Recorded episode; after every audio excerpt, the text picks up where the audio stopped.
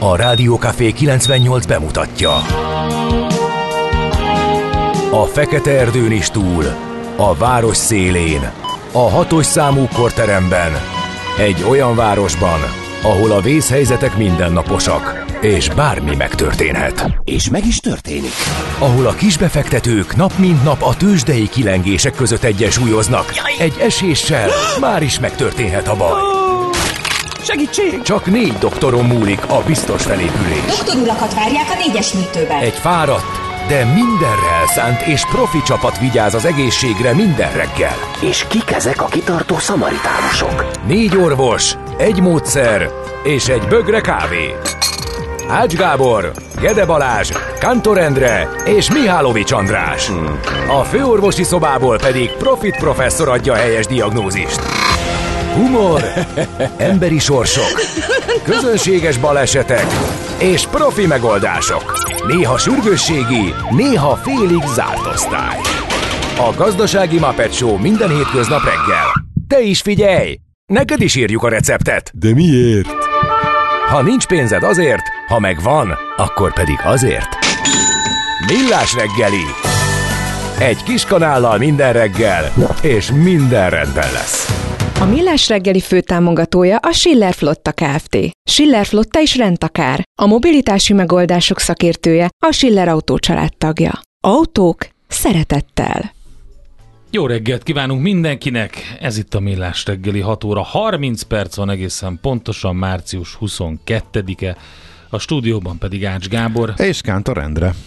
És 0630 6 98 0 98 0, ide várunk üzeneteket Viberen, Messengeren is, de nem ide persze, Viberen, Whatsappon és SMS-ben, és jöttek már morgások is. A maira morgós szerda van. Neked van morgásod? Képzeld el, hogy volt és elfelejtettem. Na, akkor ez egy morgás.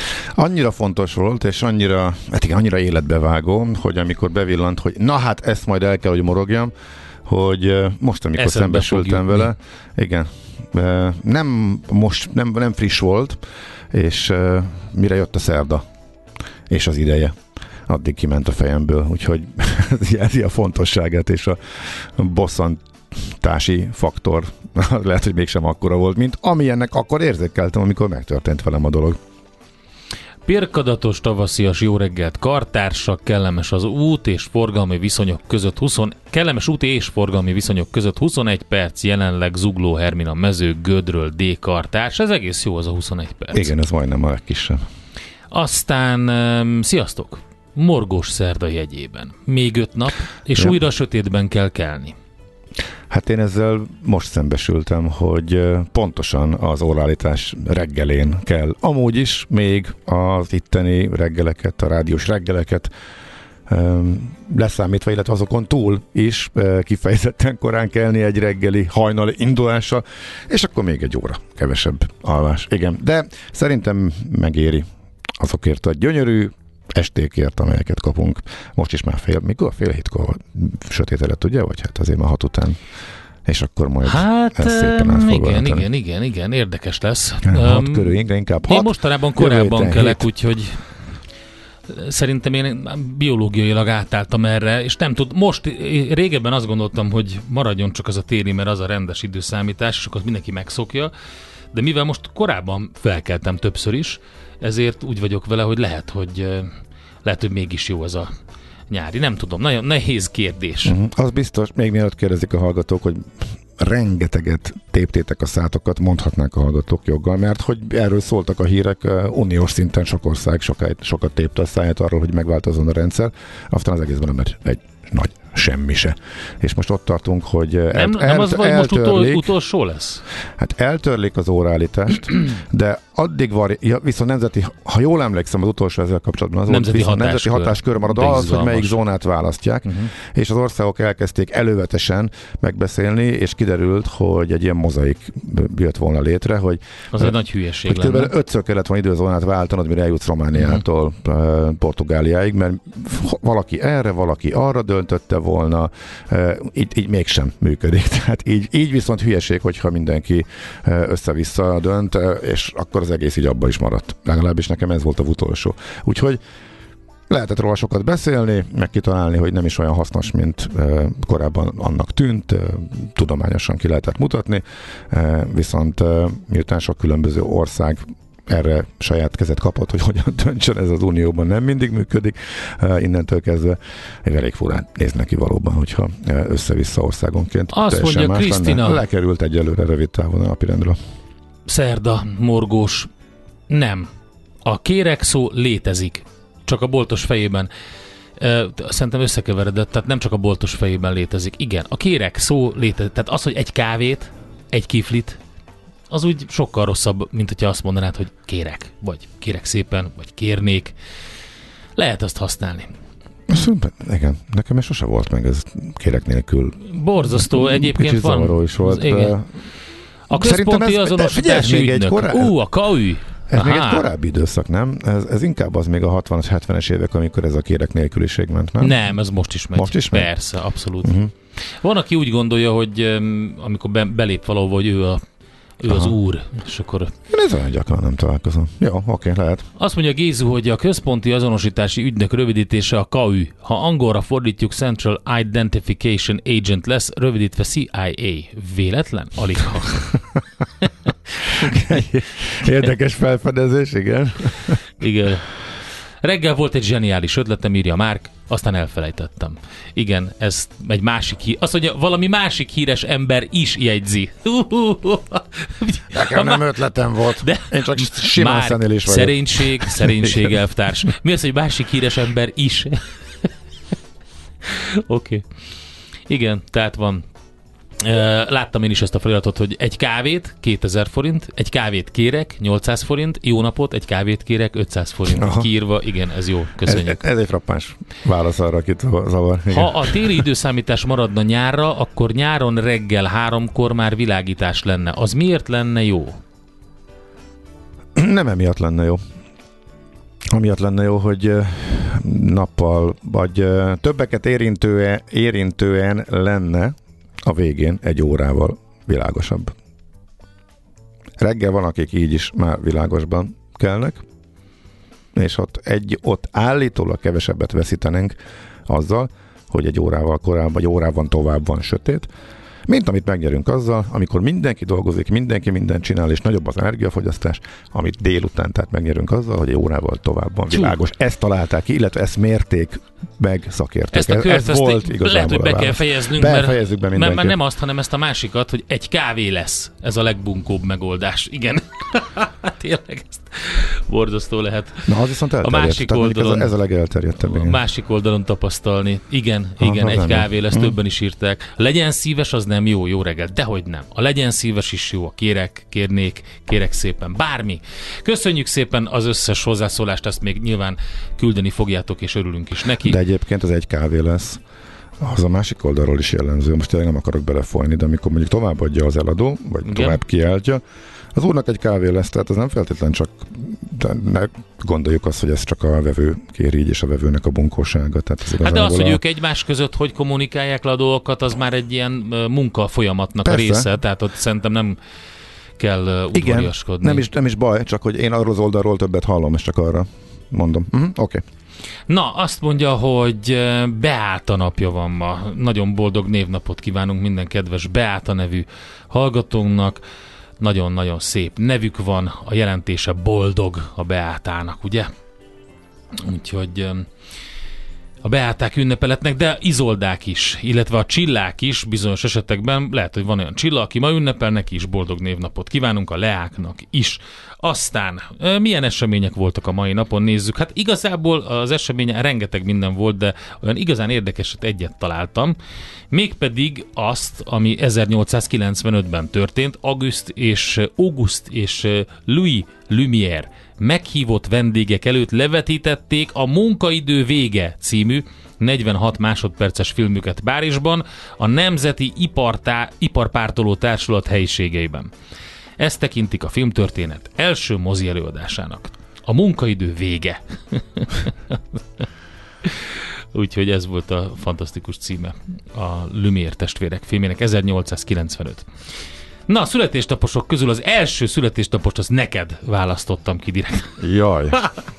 Nem, annyira jó volt, hogy nézegettem, hogy kik eh, voltak híres emberek, akik születtek, és úgy elcsodálkoztam rajta, hogy Ulugbek, Timurida uralkodó, eh, ezen a napon született 1394-ben, de nagyon érdekes, hogyha kicsit így utána nézegetsz, hogy Ulugbek ki volt, és kik voltak a timuridák, de Ulugbek maga uralkodó, történetíró, költő, matematikus, korának kiemelkedő csillagásza volt 1394-ben.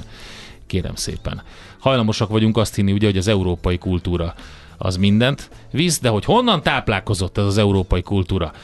Például a timuridáktól, ugye Perzsiában, Közép-Ázsiában uralkodó dinasztia volt, a nem véletlenül a név, mert hogy alapítója a barlasz török származású Timur Lenk a mongol birodalom egyik belső hatalmi harcokkal küzdő ága, a Csagatáj Ulusz törzsi konfederáció feletti uralmat szerezte meg így. Úgyhogy hát utána lehet nézni a Timuridáknak, és hát Ulugbeknek meg aztán pláne, mert tényleg komoly érdemei vannak, és 1394-ben született. Na most akkor átlépünk a modern korba és a moziba. Rengeteg nagy színész és zeneszerző született a, ezen a napon. Például a legendás Karl Malden, Oscar díjas amerikai színész 1912-ben. Ki ne tudná, ki az a Karl Malden? Jelentkezzetek. Ha csak nem a San Francisco utcáin ról. Úgyhogy ő, volt, ő a nagy galamború, a Karl Malden. Aztán Nino Manfredi, egy másik legenda, egy olasz legenda, 1921-ben született ezen a napon. És William Shatner, amerikai színész, akinek mostanában az óriási zenei portfólióján ámul a világ többek között, és mi is játszottunk több mindent tőle, és, és akkor van, aki kiakad azon, hogy nem is énekel, hanem csak mondja. Hát igen ám, de hogy? Hát. Hogy mondja? Ahhoz mondani is tudni kell. Hallgassuk, hogy mondja? Hallgassuk meg. Oké, okay, akkor jöjjön rögtön. Ami nem megy, azt nem kell erőltetni. Millás reggeli. Na hát ez volt tehát a nagy William Shatner. Körkapitányként ismerik sokan, de hát óriási lemezeket is adott ki, és még maradtak, azt mondja, hogy többen. Például ma 75 éves Andrew Lloyd Webber, brit zeneszerző, óriási életművel mögötte, majd aranyköpést tőle választunk. Nem tudom, hogy mit lehetett volna. Lejátszottad volna az operáz fantomját, vagy a Hát nem tudom, a Superstarból Jézus Krisztus Superstarból talán, talán. talán valamit. Az Éliás Tóbiást. Ugye az van a Jézus, az a híres dal. hát még korlátlanul lehetett volna tőle elképesztő sok emlékezetes dal fűződik a nevéhez a musical, musicalekből, úgyhogy boldog születésnapot kívánunk. Igen, hát az Evitából például. Hmm. De hát ugye ezeket elég sokat játszotta a rádió, de inkább egy jó mondását választottuk, hogy hó, tiszteletünket fejezzük ki. Aztán Reese Witherspoon, Oscar Díjas amerikai színésznő is Bocsánat, ma született 76-ban. Csak egy apróságot még eszembe. Még korábban, hogy te is meg szoktad kapni, amikor a Igen. furcsa feldolgozások jönnek a, a műsorban, hogy meglepően az képes, hogy mennyi emlékevetes dal van. A musical dalokat valahogy ritkábban dolgozzák föl. Tehát sokkal kevesebb jut eszembe, és úgy kellett kutakodnom, hogy az képest, hogy ezek mekkora stágerek is voltak, nem nagyon dolgozgatják hm. föl őket, nem? Tehát egy-kettő ilyen, ez a tuc-tuc verzióban nagyjából a néha úgy tűnik, hogy bármit, amit így hallok mai slágerként, musical, az, musical az valami feldolgozás tusz alapra rápakolva, amit mondjuk 10-20-30 éve hát hallottad, de a musical slágerek annyira nem. csak a, az Aquarius, amit most, mostanában hallottam, tudod, azt hoztam mm. még egy pár hónapja, annak Igen, nagyon jó feldolgozása, de alapvetően nem, nem, éri el annyira, de lehet, hogy csak, nem tudom, ez csak egy érzés, nincs, nincs megszámolva, nincs tudományos alapja természetesen, csak egyszer ezen töprengtem.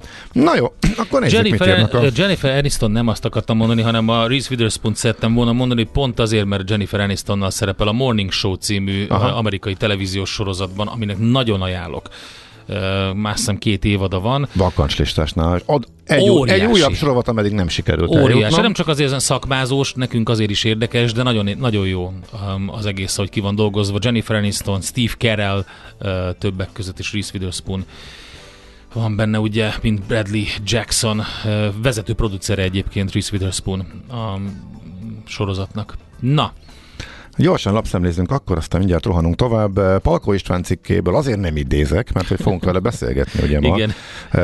Sokan nem értik, hogy honnan szakadt a nyakunkba ez a bankválság. Uh-huh. Hirtelen jött, most csillapodni látszik, illetve csillapod. Hát éppen nincsen tovább. Ugye hát tudod, itt, itt nem, tudod, nem tudhatod, hogy ez most tovább, tovább gyűrűzik, vagy nem. Hát most, hát ez az. Most csend van. Óriási kérdés napok van. óta csend van, hétfő óta lényegében csend van, és óriási kérdés, hogy lesz ebből még valami, de hogy ennek mi a háttere.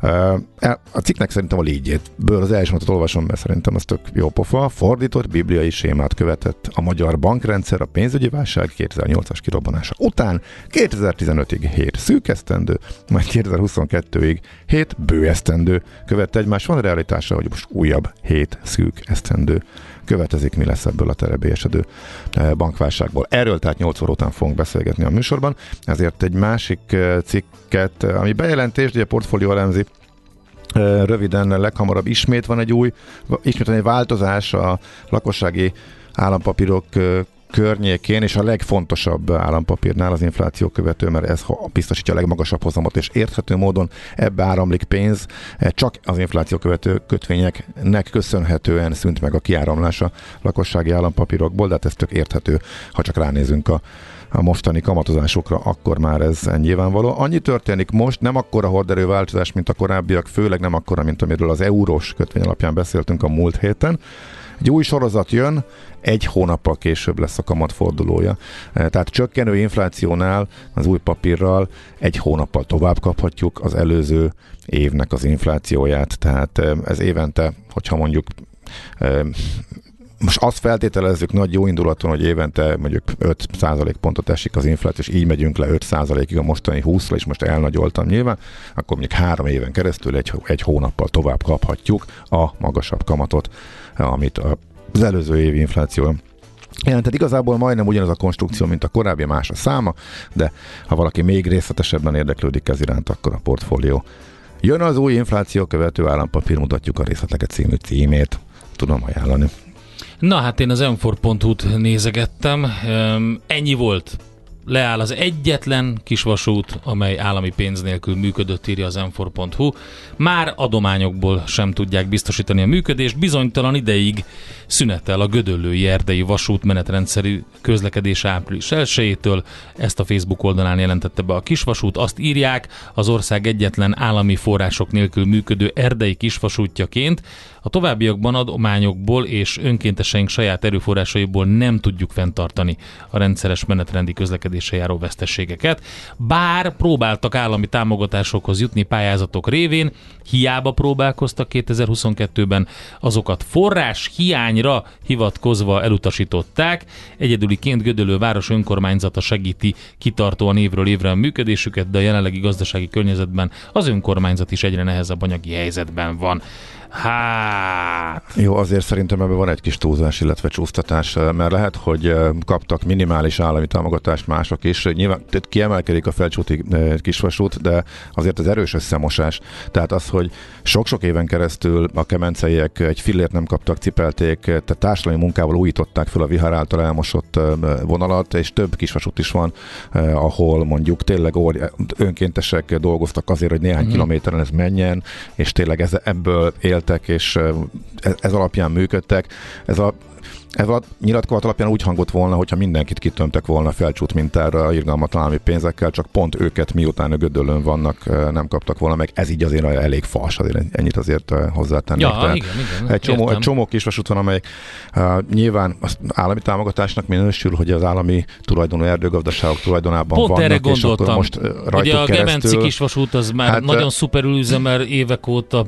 Um, ott felújították az infrastruktúrának egy részét, de a másik fele meg rohad. Nem is tud végigmenni a teljes Nem pályán. tud végigmenni, igen. Tehát nem tud elmenni bárányfokig, ugye, hogyha jól nem, emlékszem. Nem, nem, nem, a, nem. Ez, ez azért, mondom, ez egy nagyon, nagyon nagy leegyszerűsítés így, és ebbe az irányba nem kéne vinni szerintem ezt a szomorú hírt, hogy mintha politikai okokból lennének ők megkülönböztetve.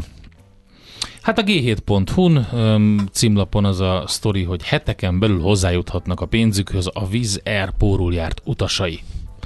Ez konkrétan az én kérdésemre hangzott el a Vizer tegnapi sajtótájékoztatóján, úgyhogy erről majd Nem írja. részlet... Miért nem ír, írja miért a cikk. Írná, miért írná? Mi, miért? Hát, Újságírói kérdésre. Ja, hát Ezt lehet, ne, nem, nincs ott. Nincs nem. ott, de mindegy. Vagy meg lesz, el ahol megkeresem. Oké. Okay. A, majd erről részletesen a megfelelő helyen és rovatban majd akkor én is beszámolok meg a hátterét illetően. És nagyjából ki mit emelt ki ugye az érdekességek mm. között, új útvonalak, vagy éppen ez, hogy most már érkeznek a pénzek, de ez kicsit bonyolultabb. Viszont igen érdekes volt, hogy hosszú idő után volt egy sajtótájékoztatója a Vizernek a cég vezérigazgatója mellett az elnöke, és itt volt, és válaszoltak minden kérdésre, de majd erről tényleg a megfelelő helyen. Na, akkor egy kis gyors belefér. Bár még nem fér bele, már tőzsdéznünk kell. Tőzsdéznünk kell? Jó, akkor És utána még dolgunk is van. Még hozzá nem is kevés. Akkor tőzsdézzünk. Majd a zene után. Mindjárt tőzsdézzünk, igen.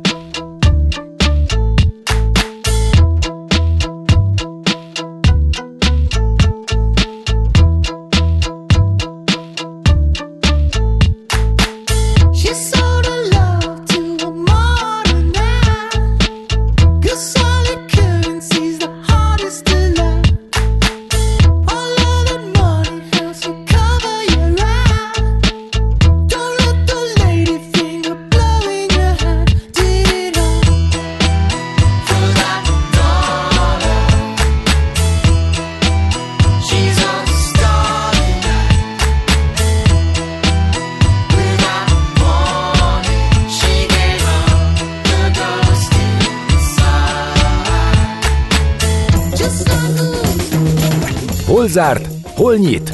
Mi a sztori? Mit mutat a csárt? Piacok, árfolyamok, forgalom a világ vezető parketjein és Budapesten. A tőzsdei helyzetkép támogatója, a hazai tőzsde gyorsan növekvő nemzetközi informatikai szolgáltatója, a Gloster Infokommunikációs enyerté. Kezdjük a Budapesti értéktősdével, alaposan megtépték az OTP-t, és hát úgy lehetett látni, hogy egy jelentősebb hangulatjavulást volt a piacon.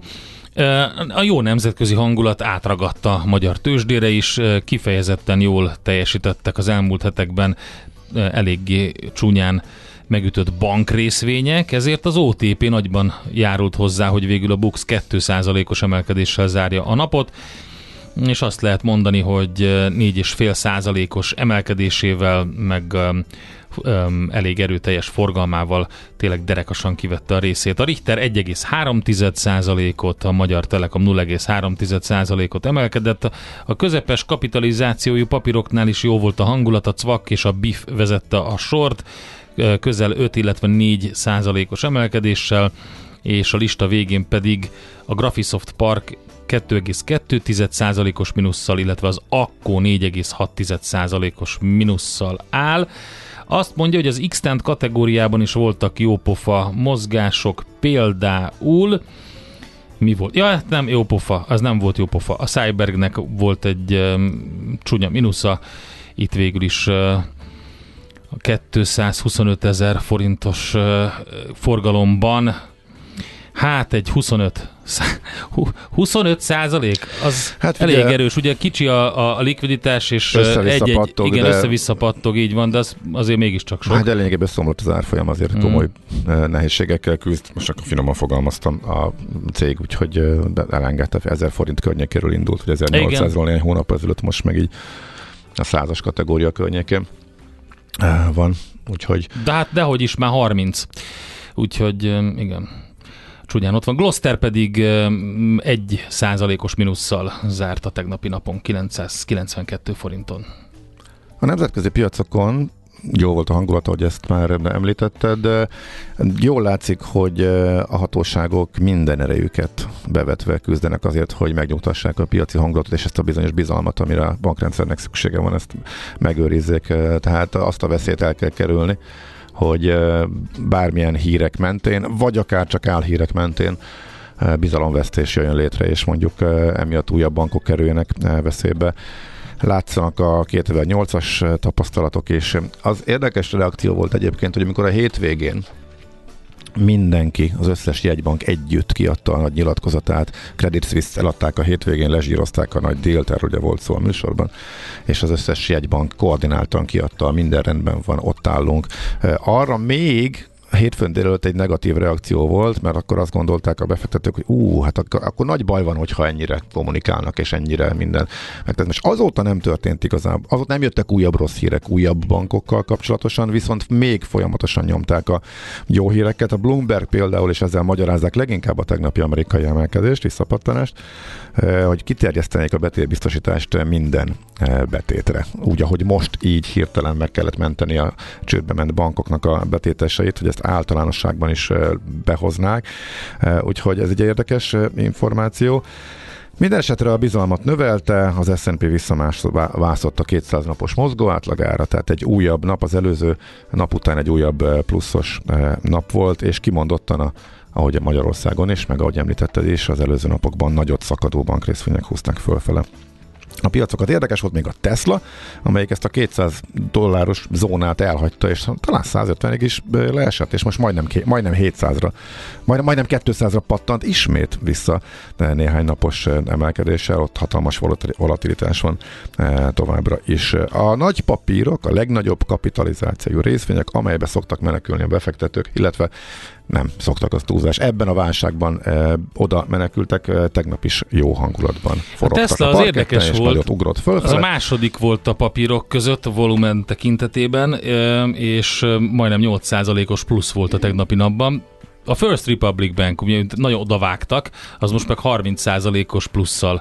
a 230 hát, milliós forgalommal az első helyen. Tehát ebből is látszik, ugye, hogy milyen a bizonytalanság. Hát meg a megmentés még, után, még utána igen. beszakadt egy nagyot, és akkor most abból, igen. még abból jött vissza, hogy még nagyobb lett a probléma.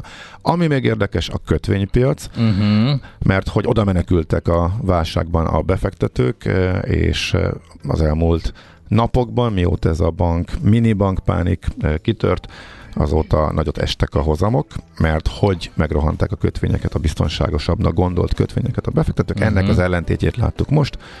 Rendeződik a hangulat, javul, talán a bizonytalanság csökken, és ezért emelkednek a kötvényhozamok. Ennek most pont nincs köze az inflációhoz, mint a korábbi sok-sok hónapban, hanem most a bizalomhoz van köze, tehát ez a bizalom javulását mutatja, hogy emelkedtek a kötvényhozamok, tehát estek az árak, mert hogy már ez a menekülés a biztonságba, ez elült.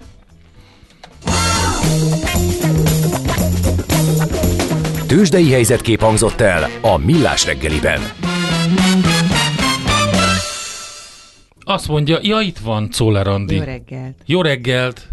Képzeld el, hogy van egy kedves hallgatónk, akiknek az apukája írt nekünk, azt tippelem, hogy beállnak, vagy beálltának hívják a, a kedves hallgatónkat. A következőt szeretném fel. Hát ez egy ilyen, ez egy ilyen. Tehát jó reggelt, kartársak.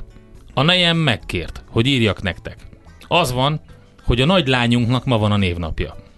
Tegyétek még boldogabbá neki. Szeretnénk ezúton is sok boldogságot kívánni neki. Nagyon-nagyon sok boldogságot.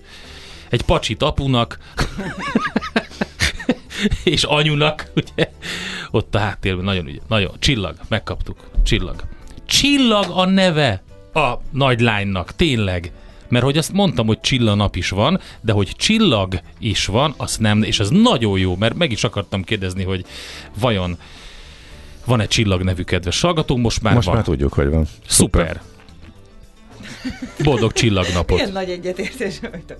Szuper. De tényleg jó, jó, jó, vannak, igen, nagyon, név, vannak ritka név. nevek, és akkor így például az Oktávián, az is ritka. Uh-huh. Szerintem kevesen vannak Van Oktáviánok. Hát sokan az autó miatt nem adják ezt a És nevet, az Oktáv... Hozzá kellemetlen helyzetből gyereket. Láttam, igen. Oktáv nap. Na, de szerintem mondjunk híreket gyorsan. Itt van Szoller Andi, ahogy az már hallható volt. Jönnek a 7 órás hírek, utána rögtön folytatjuk.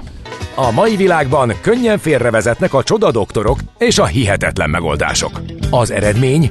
Hája pocim marad, a fej még mindig tar, a profit meg az ablakban. De már is segítenek a legjobb orvosok.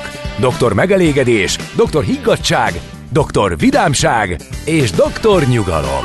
Doktor úr, ennek össze-visszaver a GDP-je, a pulcosa meg egy csökkenő gyertya. Két végéről égette. Ezt visszakalapáljuk, és olyan hozamgörbénk lesz, amilyet még dr. Alonso Mózdi sem látott. Millás reggeli. A gazdasági Muppet Show. Figyelem! Fogyasztása függőséget okoz. A Millás reggeli főtámogatója a Schiller Flotta Kft. Schiller Flotta is rendtakár. A mobilitási megoldások szakértője a Schiller Autó tagja. Autók szeretettel. Jó reggelt mindenkinek, 7 óra 10 perc van, és március 22-e szerda. Ez a Millás reggel itt a Rádió Café 98.0-án, a stúdióban Ács Gábor. És Kántor Endre. És a kedves hallgatók 0636 98 0 98 0 azt mondja nekünk kedves hallgatónk, hogy ne felejtsük el, néha a boltosokból is előköszön a mérhetetlen bunkóság. Például, mikor jelzik, hogy zavarja őket a vásárló, aki pénzét költeni ott. Erről sok sztorim van. Hát jó, Igen, mindenkinek nem szerintem. El, uh-huh. abszolút így van, csak hogy a, a, szerintem kezdjük azzal, hogy mi mit tehetünk, hogy egy kicsit jobb hely legyen ez a világ. Hát igen, ezzel már kapásból lehet vitatkozni, mert hogy elvileg a, vásár, a boltos van a vásárlóért, hmm. és nem fordítva. Tehát mondjuk az alap az ő részéről lenne az, hogy kiszolgál és udvarias. Egy fokkal nagyobb joga van a vásárlónak, háklisnak, Mind a kettő. Nem is bunkónak, de hogy mondjuk Mind a kettő bevinni a problémáit. Hát, de nem egy elő súlyjal, de tényleg már nem érdemes belecsúszni. Alapvetően neki kell elviselni azt, hogyha a vevő háklisabb erőszolgálja. El is viseli, nem erről és van belőle szó. él, tehát A stílus maga az ember, Gábor, ez úgy működik. Be, Bemész, világ, kedves abszolút, vagy, világos, normális világos. vagy. Ha a másik oldal is normális, akkor szebb lesz a, a napod, meg a világ. Ez így van, de nem, fel, de nem elsősorban a vevőnek kell uh, elérni azt, hogy jókedre derítse az őt mondjuk kiszolgálni nem feltétlenül akaró, vagy a problémáját a munkahelyére bevívő eladót. Én csak erre utaltam, hogy azért a Na, hát vevő nyilván ezer, inkább a, ezer rétege inkább van a kereskedő ennek. van a vevő ért. Na, okay. Jó reggelt, kartársak! Itt van a Nightwish-től például a Phantom of the Opera. ja, igen. Miért ugye? nem azt halljuk például? Hát az Gábor, a Nightwish, légy szíves. Szeretnék. Nem, nem, nem, illik, nem, nem illik ide. Miért nem? Mert ide nem minden szeret, illik. Amit nem szeretünk, az nem illik. Oké, okay, direkt hoztam ki belőle. Tudtam, tudtam, csak tudtam, hogy ki akarod hozni belőlem, de akkor most ezt rövidre zártam. Mi, persze, de teljesen elfogadom, akceptálom. Egyre nagyobb buborékban élünk, de milyen szép és színes ez a buborék. Budapest, Budapest, te csodás! Hírek, információk, események, érdekességek a fővárosból és környékéről.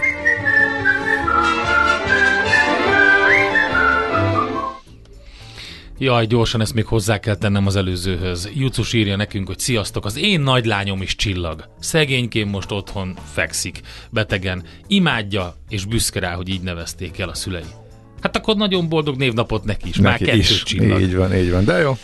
Tök Na, szép, tök szép azt név. mondja, hogy um, Pécset van március 22-e tér, arról is szólhatnátok. Hát szóltunk, de ez most a Budapest rovat, úgyhogy ebben azt nézzük, hogy uh, mi történik Budapesten, páratlan sikernek is nevezhető, a Forbes.hu is megírta, Gábor. Hát mert hogy a Forbes anyavállalata adta ezt a díjat, ugye? Tehát értelemszerű, de jutott el leghamarabb. Így van.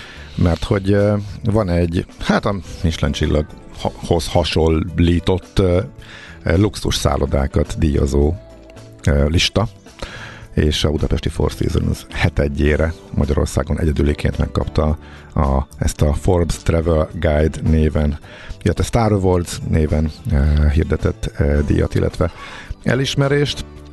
Ez, Ez a egy ötcsillagos minősítés. minősítése. Akkor most az van kiírva, ha belépsz, azonos. hogy Four Seasons, Five Stars.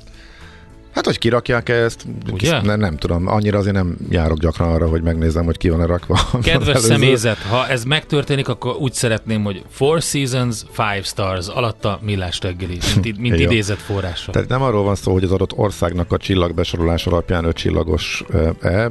Ugye ezen is már van, aki túllépett és elkezdtek hat csillagos, meg hét ja, csillagos szállodákat, de nyilván. mindegy, hanem ez egy külön lista, ami szintén csillagokat osztogat, és Magyarországról egyedülként, tehát a budapesti Four Seasons kapta meg én már hetedszer, tehát a Gresham palota lényegében. Itt is vannak hasonlóan végül is a Michelin csillagos értékeléshez más díjak is. Amúgy egyébként 900 objektív szempontot néznek, amikor kiválasztják a, díjazottakat, de a többi díj, az van ilyen például, vannak ajánlások, és vannak a, van a négy csillagos minősítés is van, azt a Kempinski és a Ritz karton kapta, meg egyébként szerintem nagyjából hasraütve kitaláltuk volna, hogy ezeket ismerjük leginkább a budapesti legdrágább luxus szállodákként. És a New York Palace, a Corinthia és az Intercontinental kapott még úgynevezett ajánlást ezen a listán. Na nézzük akkor tovább, hogy mik vannak még itt. Budapesten rendezik. Hát ezt figyelj, ez azért szerettem volna elolvasni. Úgyis még mennek a gyerekek iskolába, oddába fontos dolog az, hogy milyen felvonulások vannak Budapesten. A világ első aszexuális felvonulását Budapesten rendezik meg. Essex Pride néven szervez felvonulást a magyar aszexuális közösség Budapest belvárosában, és az eseményre nem csak az aszexuálisokat várják. Úgyhogy ez egy érdekes dolog az Essex Pride gyülekező, gyülekezője az 5. kerületi Erzsébet téren lesz délután 3 órától, mégpedig április április hányadikán? 15-én szombaton. A hatodika a világnapjuk egyébként, és akkor ehhez kapcsolódik. Igen. Um, azt mondta um, Súlyok Viktória, a Magyar Aszexuális Közösség alapító tagja, a Human Online-nak, hogy ugye április 6-ára esik, hogy ahogy mondtad, ez a nemzetközi nap, és ezért ehhez a dátumhoz közelít tőt kerestek. És ez tudomása szerint a bolygó első kimondottan Essex Pride-ja, úgyhogy van Ahol egy ilyenünk is meg már. akarják mutatni, hogy léteznek, és semmi szégyeni való nincsen abban, ha valaki nem, vagy csak ritkán bizonyos körülmények között érez szexuális vonzalmat, és ez igen, igen, igen, és nem csak a, saját közösségükben, tehát az aszexuális embereket akarják megszólítani, hanem bárkit, aki érdeklődik, és ez a lényeg annak, ami lesz a Sex Pride néven, tehát Budapesten elsőként a világon. Lesz egy másik felvonulás is, ez pedig az amerikai um, motorkerékpárgyártó a Harley Davidson fennállásának 120. évfordulója alkalmából négy napos fesztivál uh, Budapesten a Puskás Arena Parkban júniusban. Uh, a négy nap során hat színpadon 50 zenekar és több száz program várja a látogatókat, tehát ez szerintem egy ilyen óriási uh, vezérigazgató találkozó lesz. Úgyhogy um, ott lehet találkozni több mindenkivel. Például, figyelj, azt mondja, hogy az Ausztrál Wolf Mother. Hoppá, hoppá. A Wolf Igen. Mother azért az nagyon komoly, azt valljuk be. Én voltam az akváriumban, Wolf Mother. Igaz, hogy a zeneszerző, énekes, gitáros viszi a... Hát ő lényegében... Ő a Wolf Mother lényegében. Wolf, de az első két de lemez után úgy eltűntek. És... Á, de figyelj, én, én voltam az akváriumban, nagyon jó koncert volt. Uh-huh. Egyik legjobb, amit láttam. A Brit Darkness mellett a Deep Purple legendás gitárosa Glenn Hughes is fellép korábbi zenekarának klasszikus számaival. Úgyhogy lesz itt érdekes. Aztán magyar zenekarok közül, hát figyelj, ez nagyon fontos. A pokolgép. Igen. Na jó, és az Edda művek természetesen, de nem hiányozhatnak egy ilyen. De ott van az Anna és a Barb, Anna and the Barbies is. Úgyhogy van egy csomó zenekar, egy csomó fellépő, egy csomó motor, a brummogó, pöfögő karosszékeket meg lehet csodálni. Mehetünk tovább. Választottam egy olyan zenét, amiről ismét a fiatalságra próbálok gondolni. Nem könnyű egyébként, de amikor a hú, a Woodkid dalnál jött aztán vissza az, hogy a iskola felé zötyögő gyerekek is fölkapták a fejüket, hogy hú, ezt ismerem, ez a mémzene dolog, tudod, hogy ami a YouTube videók, YouTube short, meg a TikTok videók alatt föltűnik régebbi dolog, hogy teljesen meglepő, hogy mely dalok jönnek elő, és mely dalok, amiket ismernek a, a tizenévesek mostanság abból, amit mi mondjuk 10 vagy 20 évvel ezelőtt sokat hallottunk, úgyhogy most egy viszonylag új zenekar, amit tudom, hogy ők szeretnek, aztán persze majd kiderül, ha megírják nekünk, hogy milyen arányban, mert hogy az elmúlt években tört föl, és elég sok aláfestő videóban is én is hallottam már a gyerekeimnél a következő zenekart. Nekünk a Gellért hegy a Himalája. A Millás reggeli fővárosi és agglomerációs infóbuborékja hangzott el. Sziasztok, Prigás Zsolt vagyok az Animason Systemből, ez pedig a legendás Rádió Café. És egy érdekes témával folytatjuk a műsort, még pedig azzal, hogy milyen uh, helyzet alakult ki a nyugdíjpénztáraknál. Úgy tűnik, hogy fájdalmas év volt a tavalyi, és egy uh, egészen azt is lehet fogalmazni, vagy úgy is lehet fogalmazni, hogy zuhanó repülésben vannak a nyugdíjpénztárak. Nem kiméltet át a befektetéseket 2022. A szektornak majdnem 7%-os veszteséget kellett elkönyvelnie tavaly. Erről beszélgettünk Süle Szigeti Bulcsúval, a Bankmonitor nyugdíj szakértőjével. Szervusz, jó reggelt kívánunk! Jó reggelt, sziasztok!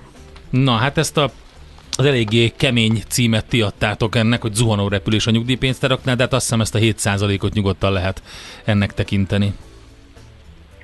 Uh, igen, én is azt gondolom. Uh, azt most talán kihagytátok a, a felkonfol, úgyhogy elmondhatom én, hogy 2008 óta nem volt ilyen rossz évük az önkéntes nyugdíjpénztári befektetéseknek, úgyhogy uh, valóban ez egy kiugróan rossz érték lett most. Most erről mennyiben tehetnek ők, mert hogy a piaci hangulat egyszerűen ilyen volt. Részvények zuhantak, kötvények zuhantak. I- igen, hát ennyire egyszerű gyakorlatilag ennek a háttere. Ugye van az önkéntes nyugdíjpénztárak esetében referenciahozam is, tehát hogy minden portfólió esetében előre meg van mondva, hogy mi ez az index, vagy mik azok az indexek, ami, amikhez mérik a saját teljesítményüket, és a referenciahozamok is ugyanilyen uh, szomorúan teljesítettek, tehát én azt gondolom, hogy nem az önkéntes nyugdíjpénztárak hibája, hanem egyszerűen a, egyrészt a nagymértékű kötvénypiaci leértékelődés, ami ezt okozta, másrészt ugye a részvénypiacokon is nagyon negatív a hangulat. A befektetőknek itt lehet olyan elvárásuk, hogy azért vonulják ott a szakértők, hogy valahogy te felül teljesítsék ezeket a referencia indexeket, vagy itt azért ez egy teljesen szabályozott dolog, és nagyjából azt kell alkalmazkodni.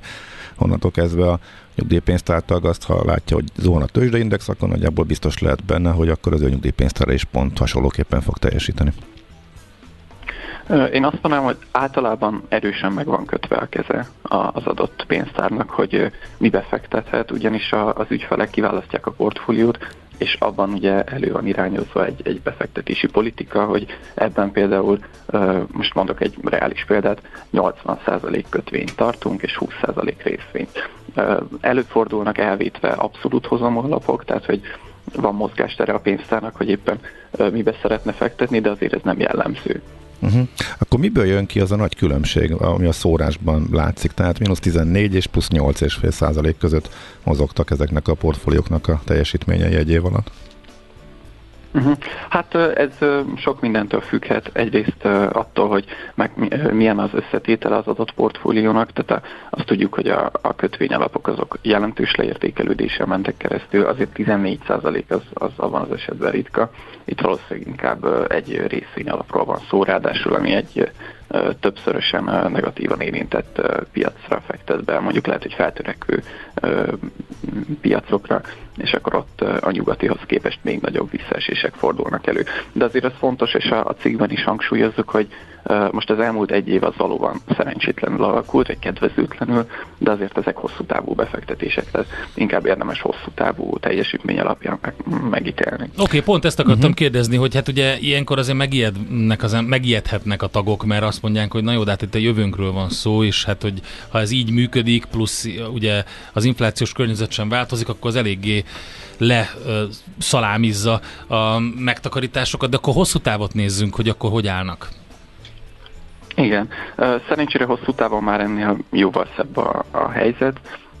A nyugdíjpénztárak tudnak reálhozamot termelni. Ugye a Nemzeti Banknak a statisztikáiról van szó, egyébként ez még nem hangzott el, múlt héten tették közé, és ők is ezt hangsúlyozzák a saját közétételükben, hogy valóban a 2022-es év az, az nagyon rossz volt, de ennek ellenére, hogyha 10 évre, 15 évre visszatekintünk, vagy mi például a Bankmonitor cikkében 13 évre tekintettünk vissza, ott azt látjuk, hogy képes felül teljesíteni az inflációt a az önkéntes nyugdíjpénztári portfólióknak a nagy többsége, mondjuk 70%-a körülbelül.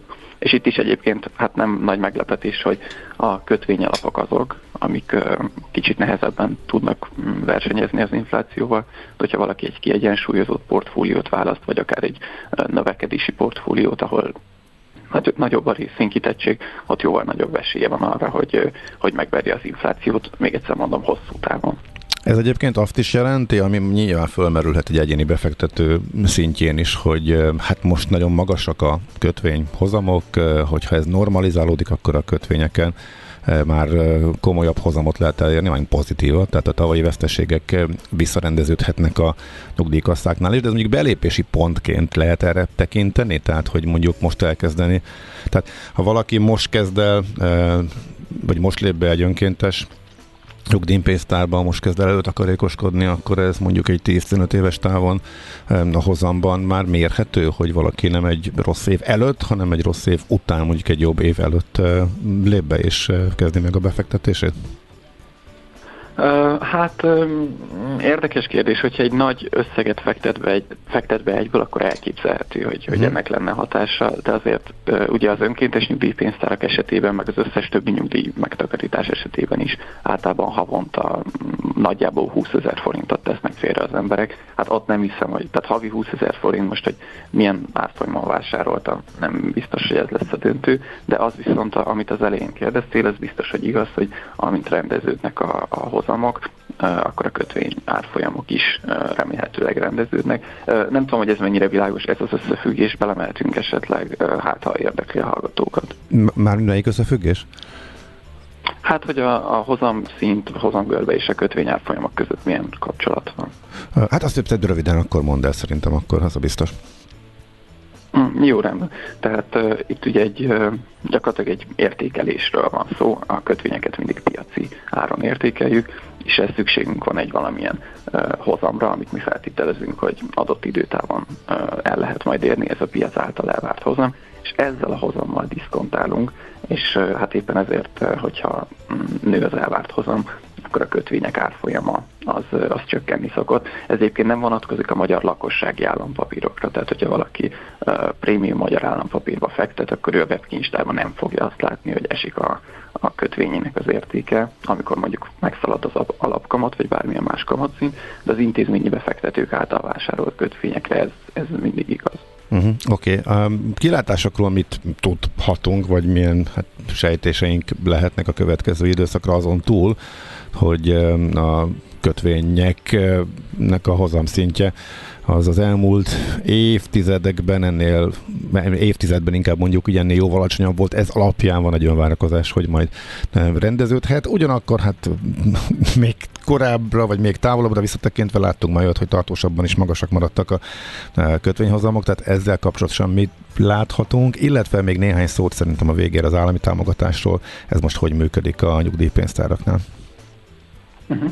Rendben. Uh, jósolni nem szeretnék, mert uh, hát vagy bejön, vagy nem, és akkor így a legegyszerűbb elkerülni, mármint hogy, hogy tévedjen az ember. De azt viszont el tudom mondani, hogy az önkéntes nyugdíjpénztárak uh, azt a stratégiát követik most, uh, hogy látható, hogy 2022-ben jelentősen csökkentették a, a bankvetét és készpénzben tartott uh, befektetések arányát. Tehát elkezdtek vásárolni magyarán mert ők is arra számítottak, hogy ezek az árfolyamok most jó belépési pontok, és akkor innen, hogyha felfelé mozdulnak majd a, mind a részvénypiaci, mind a kötvénypiaci árfolyamok, akkor ezen lehet plusz nyereséget elérni. Úgyhogy én, én abszolút bizakodó vagyok, már csak a 10-15 éves visszatekintő hozamok miatt is. Ezek ugye hosszú távú megtakarítások, tehát hogyha valaki most nem érzi kényelmesen magát a a szépenséggel látható portfólió értékével, akkor, akkor ne realizálja szerintem ezeket a, a levegő veszteségeket, hanem várja ki türelemmel, mire ismét hát eltűnnek ezek a felhők a, a befektetői égboltról.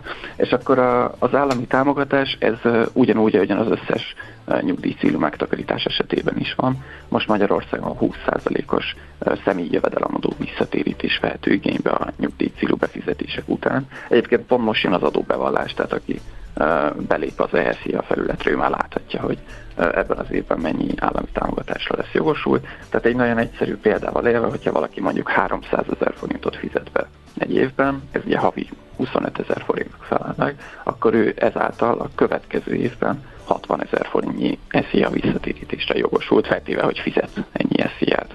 Hát ez egy ilyen plusz mm, vonzerőt biztosít a nyugdíjcélú megtakarításoknak, és mi is azt tapasztaljuk a bankmonitornál, hogy nagyon szeretik az emberek ezt a kiegészítő lehetőséget. Uh-huh. Oké, okay. nagyon szépen köszönjük, és hát jobb éveket kívánunk a nyugdíjpénztáraknak, hát meg a nyugdíjpénztári tagoknak is. Hát köszönjük hát igen, meg ki, ezt ki, ki kell ülni mindenképpen. Köszönjük szépen, Búcsú, jó munkát nektek, szép napot! Köszönöm nektek is, sziasztok! Zuhanó repülésben vannak a nyugdíjpénztárak, 6,8%-os veszteség volt a 2022-es évben, hallhattuk Süle-szigeti Bulcsútól, a Bankmonitor nyugdíjszakértőjétől, meg hát azt is, De hát hogy ez hosszú távon ez hosszú kiegyenlítődik. Távon, igen. igen, kiegyenlítődik, úgyhogy erről beszélgettünk. Veszel-e? Eladod-e? Kanapéról-e? Irodából-e? Vonaton-e? Mobilról-e? Laptopról-e? Kényelmesen, biztonságosan, rengeteg ajánlat közül válogatva, időt spórolva. Ugye, hogy jó? Mert ott van a mágikus E. E-Business, a millás reggeli elkereskedelmi rovata, ahol mindenki számára kiderül, hogy online miért jó üzletelni. Nagy, nagyon jó témát fogunk feldolgozni mágikus e rovatunkban, mégpedig az, hogy hasítanak a használt cuccok a világhálón. A magyarok 77%-a nyitott arra, hogy használt terméket vásároljon, és 64%-uk már vett is ilyen terméket. Réde Iván, a ShopTet Magyarországi vezetője van itt velünk. Jó reggelt, szervusz! Jó reggelt, sziasztok! Na hát nekem ez egy nagyon jó téma, hiszen én már ö, gyerekkoromban is imádtam a bolhapiacokat, ez nem múlt el felnőtt koromra is, és most pedig gyakorlatilag élek és virulok a különböző használt cikk online piactereken, több okból is. Egyrészt rendkívül jó áron lehet nagyon jó termékekhez jutni, másrészt pedig ez a 3R világában, ahol a Reduce, Reuse, Recycle működik, ez egy nagyon-nagyon nagy lépés hogy egy kicsit környezet kímélőbben tudjunk élni. Tehát... És most volt az újrahasznosítás világnapja ennek a apropóján. Igen, igen. És kérdezzük, hogy a reprezentatív kutatásatok mit mutatott a használt termékeket illetően? Um, a mi motivációnk is egyébként ugyanez volt, hogy mi hasonlóan gondolkodtunk, hogy mindenki már gyerekkora óta valami elég eladja, megpróbálja eladni, próbál vagy vesz egy másikat, és kíváncsi voltunk, hogy ha megkérdezzük a, a lakosságot, akkor ez hogy fog kinézni.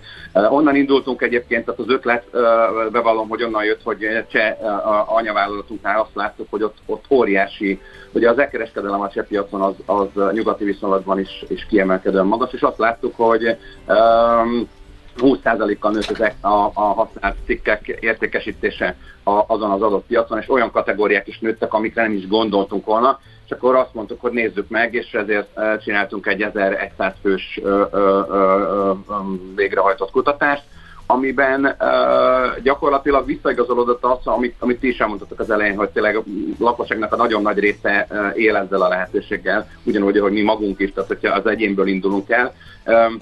És ennek két oldala van ennek az egésznek. Van az a, a keresleti oldal, mi erre voltunk kíváncsiak, hogy mennyire nyitottak a, a, a, az emberek, a, arra, és hát ugye a, óriási, óriási nyitottság, ez nem volt meglepő. Említette itt a környezetvédelmet, hiszen uh, gyakorlatilag ezt a közleményt is annak apropóján adtuk ki, mert uh, azt feltételeztük, hogy, hogy azért ez is egy motiváció lehet, most igazándiból a legnagyobb motiváció, az talán nem meglepő, az ugye az, az a spórolás. Mm, igen.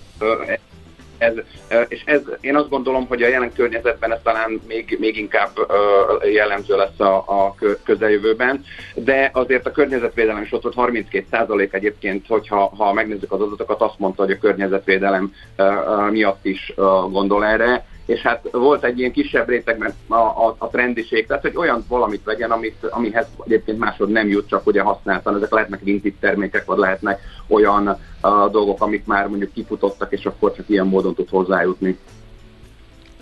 Ez azt jelenti egyébként, hogy fölzárkózunk ahhoz, ami a cseh piacon látszik, tehát ez egyre erősödő szempont Magyarországon is, tehát erre érdemes készülniük az elkereskedőknek is? Mi pontosan emiatt néztük meg ezt a, a és, és pontosan a keresleti oldalt néztük meg, mert ugye a, kínálati oldalon, hogyha összehasonlítom a csepppiacokkal, jelen, jelen pillanatban még azért uh, inkább a, a különböző uh, apró hirdetési felületeken uh, dominálnak ezek, ez, dominál ez a kategória, tehát ez az üzletág.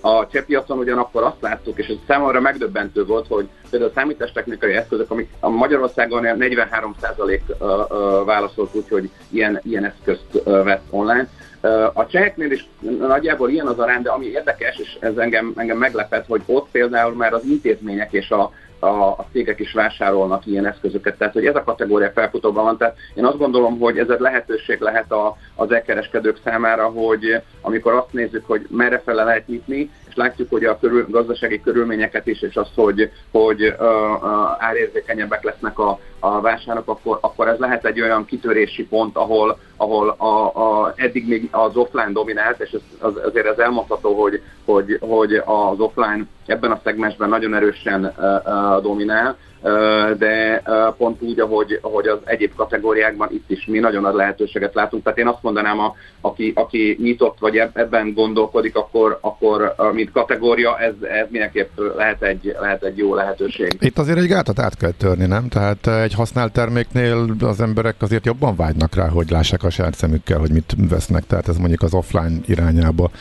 mutat. Egy dobozos, vadai új terméket talán szívesebben rendel a netről egy átlag felhasználó, mint amit már használtak, hogy annak a használtságára, minőségére vonatkozóan inkább hajlamos, illetve egy fontos alapvető igény, hogy tapasztalatokat szerezzen, nem?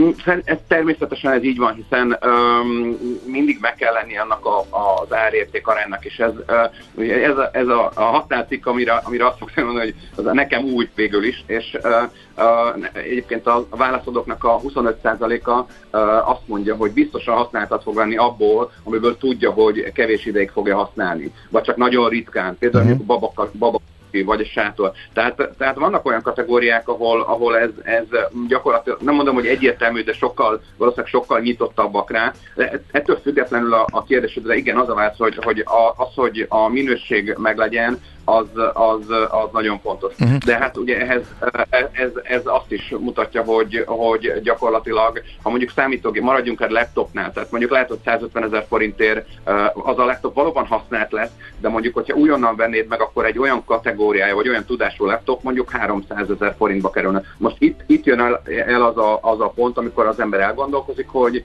hogy érdemes-e, van-e az a hozzáadott érték, hogy, hogy újat vegyen, vagy esetleg használt, de egyébként jó helyről, garanciával ellátva tudja megvásárolni. Tehát ezek, ezek már olyan szempontok, amiket mindig figyelembe vesznek az emberek, és ugye itt jöhet az a a, az a pont, amit, amit, amit kérdeztél, és ugye a, az elkereskedelem, amikor nem uh, kvázi egy, egy uh, marketplace-en veszem meg, vagy mondjuk egy apró hirdetésen, nem mindenféle garancia nélkül, hanem mondjuk egy, egy céges háttérrel rendelkező webáruházból veszem meg, ahol, ahol gyakorlatilag a, a garanciát is adnak hozzá. Hát ezt akartam kérdezni, hogy ez mennyire jellemző, hogy van rá garancia, illetve hogy ez egész hogyan működik, illetve hogyha felméréshez visszakanyarodjunk, és már részben érintetted, hogy milyen termékcsoportok azok, amelyeket hajlandóak leginkább az emberek használtan megvenni, és, és online. A, hát ugye divat, ruha, cipő, ez, ez 47%-kal jött ki. Említettem már ugye a, a számítástechnikai eszközt, ami, ami szintén a dobogós helyen volt. A könyv azért szerintem nem meglepő már tovább, mert, mert régóta, a, még a max, teljesen az ősidőkben, az, az antikvárium idejéből azt gondolom, hogy ez mindenki számára gyakorlatilag ilyen nyilvánvaló, de a szórakoztató elektronikai eszközök, például fényképezőgépek klasszikus esete, amikor amit szintén, szintén megvesznek uh, online. Tehát ezek a dobogósok, de uh, azt gondolom, hogy, hogy a nagyon-nagyon sok kategória, vagy kevés olyan kategória van, ami nem jelenik meg, ami valószínűleg akár higiéniai okokból már az ember nem vesz használtat, de hogy a, a dobogósok azok ezek a, a divat, számítástechnika, könyv, szórakoztató elektronika. Jó, hát nyilván, és a nemek közötti eloszlás az jelentős, vagy nagy, nagy különbségek vannak? Uh, igazándiból az, hogy hajlandó vásárolni vagy vásárol, ott nem láttunk különbséget. Amiben, amiben igen, az talán az, hogy mondjuk a, a, hogy megkérdeztük, hogy a környezetvédelmet is, mert nagyon kíváncsiak voltunk, és például a, a nők esetében sokkal fontosabb ez a szempont, a férfiak esetében kevésbé. Sokkal fontosabb, ez 36%-hoz a nők esetében, 28 a férfiak esetében. A trendiség, mint olyan, az megint csak ugye a hölgyek esetében fontos, vagy ugye egyedi olyan termék, amit máshol nem tudsz megvenni és uh, igazándiból nagyon olyan kiugró különbséget nem látunk értelemszerűen, vagy nem biztos, hogy értelemszerűen, de én azt gondolom, nekem nyilvánvaló volt, vagy nem volt meglepő, hogy például a, a számítástechnikai, számítástechnikai eszközöknél, vagy a szórakoztató elektronikánál férfiak uh, uh, picit magasabb arányban uh, uh, okay, de hát lényeg a lényeg, hogy az újrahasznosítási világnap az, ami március 18-a, ennek kapcsán néztétek meg a használt cikk kereskedelmet, a online kereskedelmet, és az a lényeg, hogy egy emelkedés tapasztalható. Szerintem egyre inkább többen érzik azt, hogy, hogy nem csak a pénztárcájukat, hanem azért sok minden mást is. Tehát nem csak azt kimélik, hanem sok minden máshoz is segítenek ezzel. Köszönjük szépen! Köszönöm. Sziasztok! Szia, napot. szia! Réde Ivánnal beszélgettünk a ShopTet Magyarország vezetőjével, mégpedig a felmérésük kapcsán, amit a használt cikk kereskedelmmel kapcsolatban készítettek. Na megtaláltad-e? E-Business, a millás reggeli elkereskedelmi robata hangzott el. E-Business, üzletei online. Egy erős kávét kérnék. Na és milyen legyen, kicsi vagy közepes? Hát semmi esetre sem nagy. Mert nem a méret a lényeg, hanem a vállalkozó szellem. A Millás reggeli KKV rovata következik.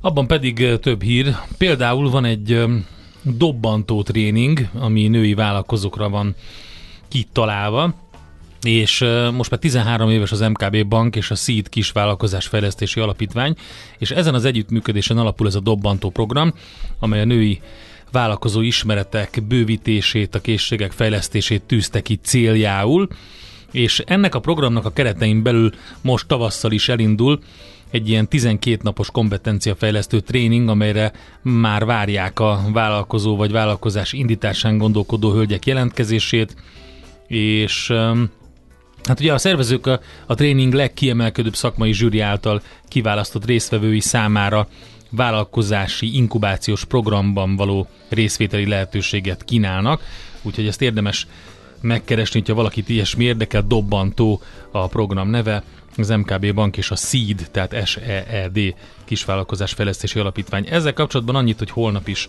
lesz szó a műsorban női vállalkozóknak a segítéséről, támogatásáról, az a Women Church program kerete keretén belül, arról majd beszélünk holnap reggel.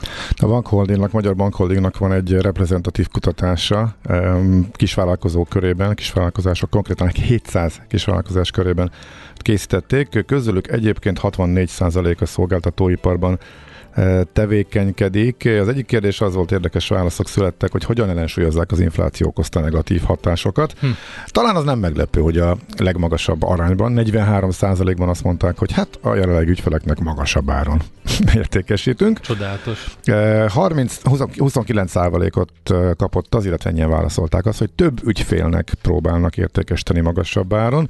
Új piacok, új területek bevonása, bővítés 25%-nál szerepel, 23% költséget csökkent, és 22% az alkalmazottak bérének növelésével reagál erre, tehát az infláció okozta negatív hatásokra béremelés is ben van. Viszont az, hogy kimagaslóan a legtöbben idézőjelesen csak abban gondolkodnak, hogy emeljék az árat, és mondjuk egyéb ilyen bővítési lehetőség, ez is mondjuk egy érdekes tanulság ennek a felmérésnek, illetve volt még egy másik kérdés, amit érdemes talán kiemelni, a Bevezető, milyen bevezetendő intézkedéseket terveznek? És a legtöbben 24% azt mondták, hogy új beszállítókat keresnek. Hm. Energiahatékonysági beruházás 21%, és régi Na, én gépek, autók... volna elsőre.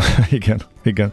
Régi gépek, autók, berendezések cseréje újakra az 20%, csak hogy itt fölmerül a kérdés, hogy éppen nadrágszíjat kell húzni, és probléma van, akkor van-e finanszírozást, hogy pont akkor beruház.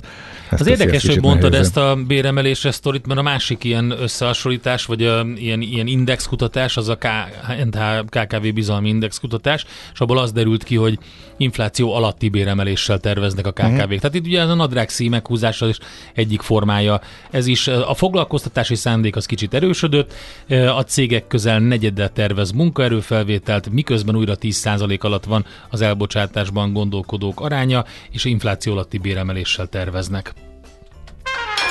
A kopasz úrnak kész a kávéja. Mert a lényeg a vállalkozó szellem. A millás reggeli KKV rovata hangzott el. És Na itt van. van.